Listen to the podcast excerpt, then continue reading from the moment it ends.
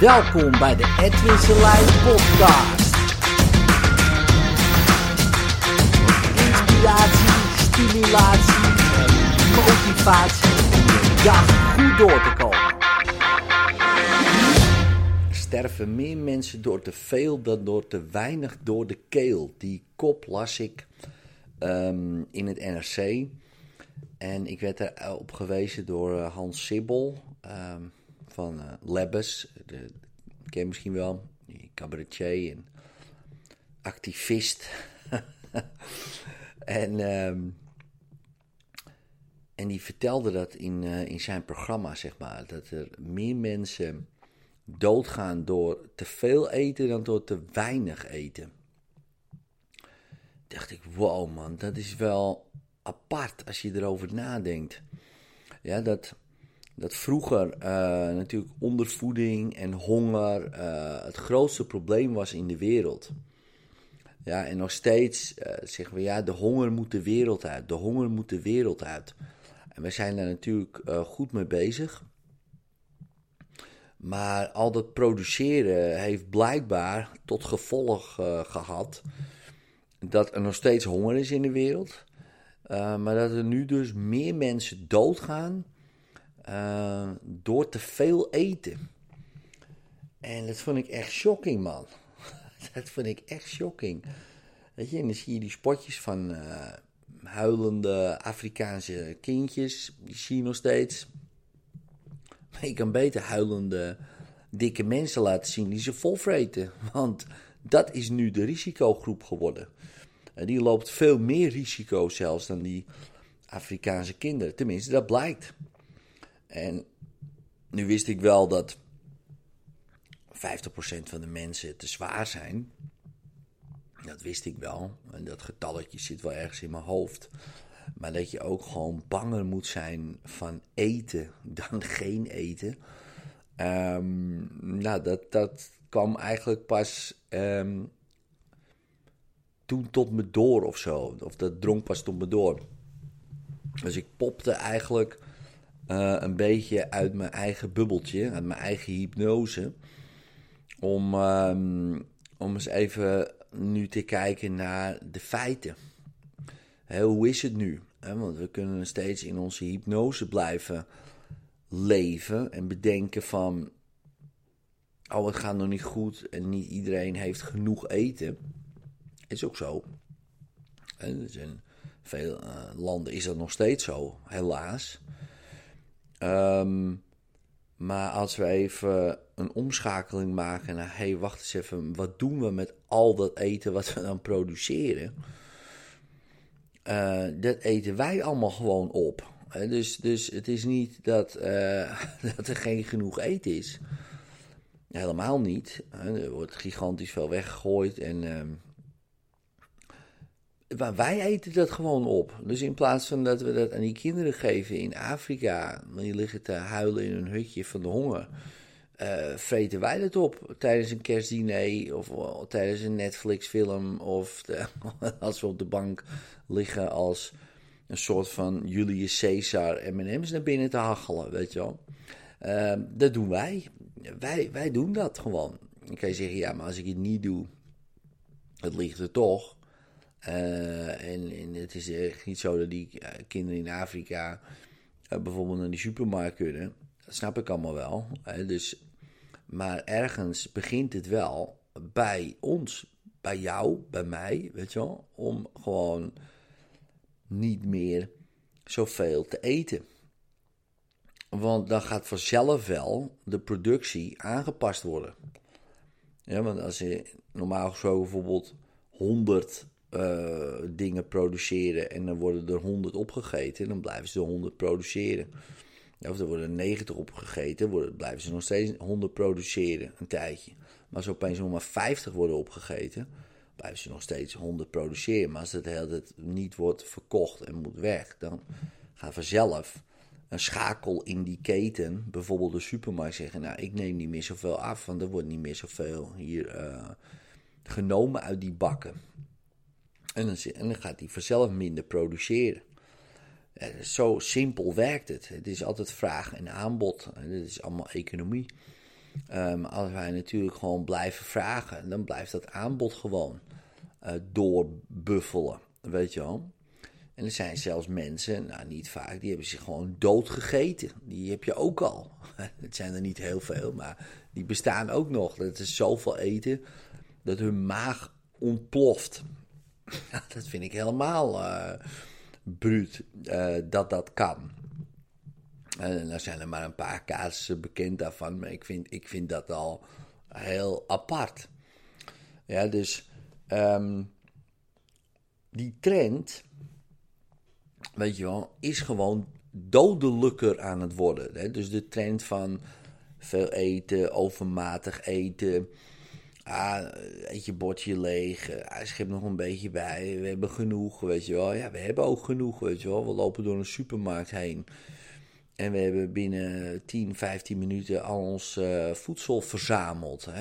Je bijvoorbeeld vroeger, 40.000 jaar geleden, 50.000 jaar geleden, moest je vier uur uh, door een woud, door een savanne, moest je, moest je hobbelen.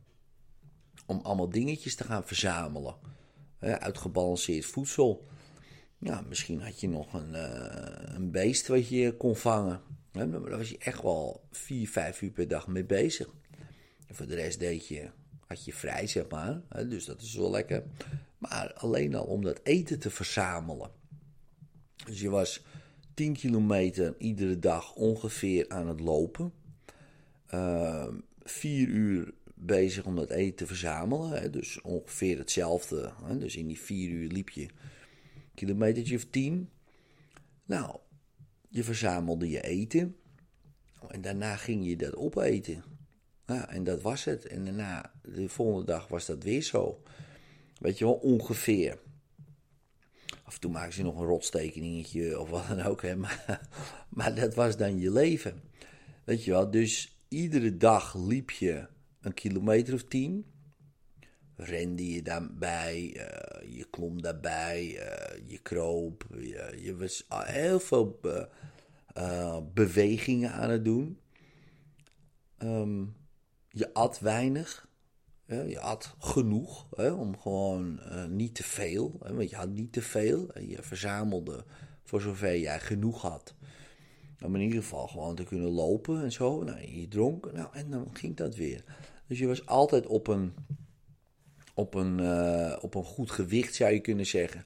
Ja, en natuurlijk liep je veel gevaar. Dus dat je um, bijvoorbeeld ja, nou ja, noem alle gevaren maar op. Hè. Je kon gestoken worden, je kon gebeten worden, je kon opgevreten worden, je kon uh, van alles. Hè. Dus de levensverwachting was natuurlijk niet zoals nu. Nu zitten we lekker beschermd en veilig in ons betonnen huisje. Uh, er kan weinig meer uh, gebeuren. 70% van de hele insectenbevolking hebben we ook al uitgeroeid. Dus, dus dat gaat lekker. Hè. Dus dat gestoken worden we ook niet. Oké, de lange termijn gevolgen zien we dan wel. Hè, want zo gaat het dan. Nou, en alle dieren zijn ook geen gevaar meer, want 80% gebruiken we gewoon van ons eigen voedsel.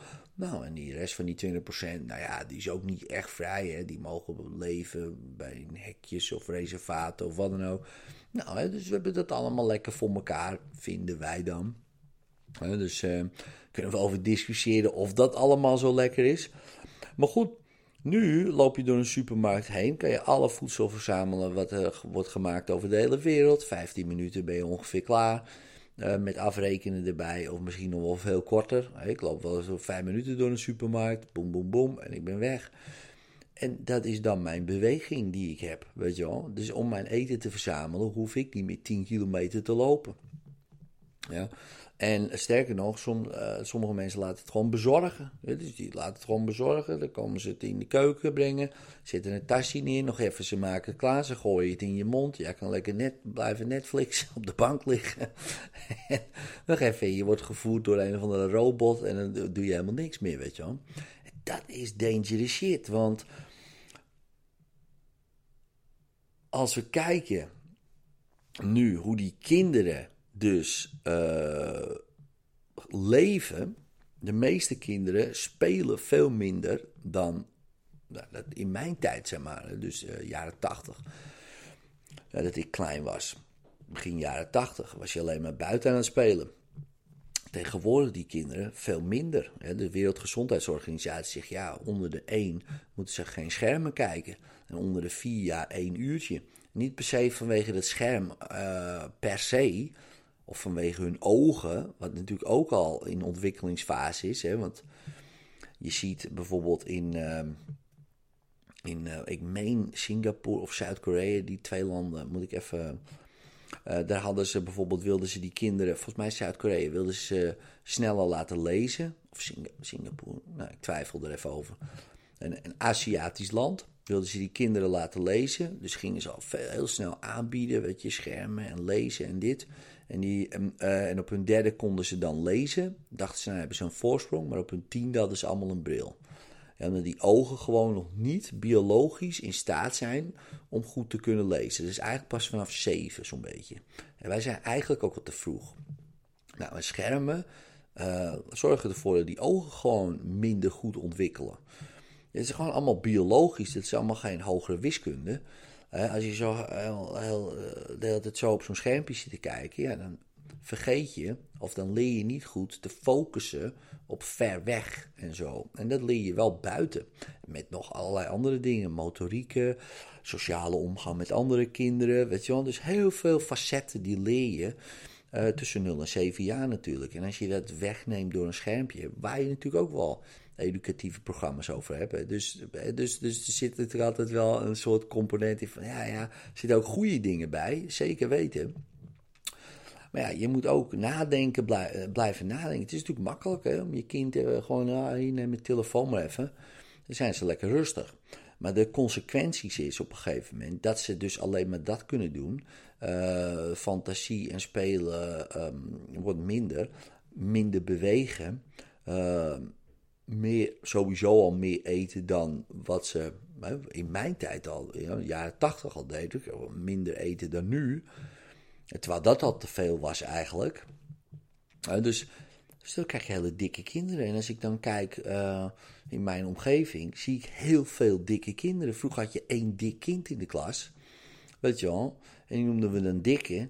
Nou, en, uh, en, als, je, als je pech had, dan uh, greep je en ging je op je zitten en dan deed het ook nooit meer, hè, bij wijze van spreken. We zijn één iemand. Maar nu, als je nu zegt, hé hey, dikke, dan kijk je er gewoon dertien om.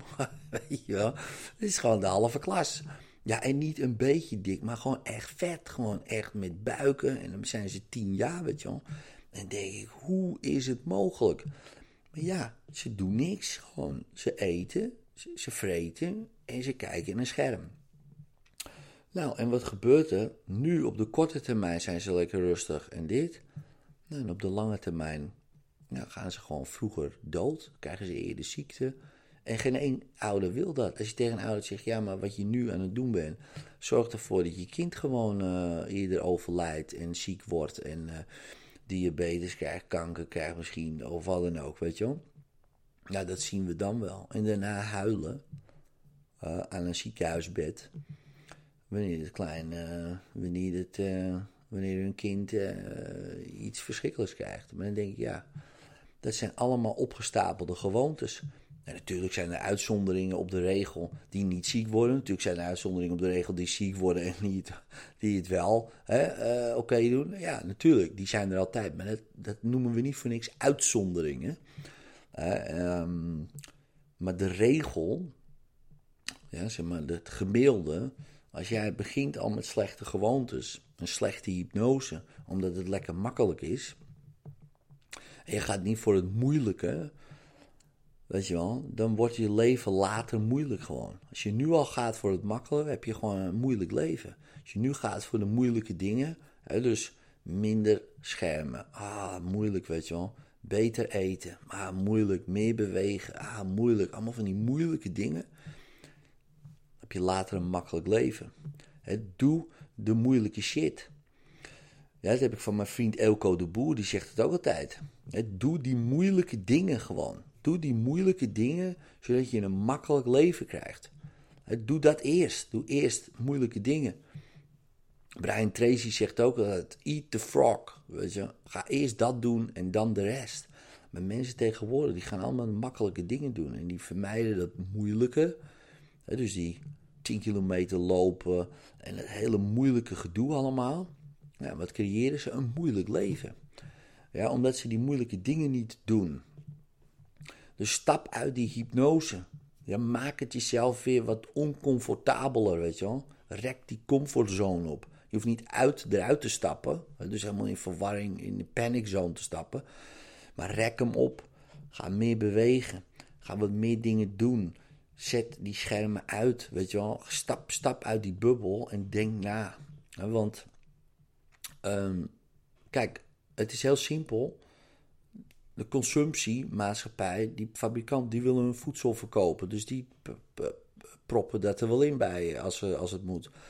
Die, die, die tabletfabrikanten, die willen het ook, weet je wel. Die, zoveel mogelijk.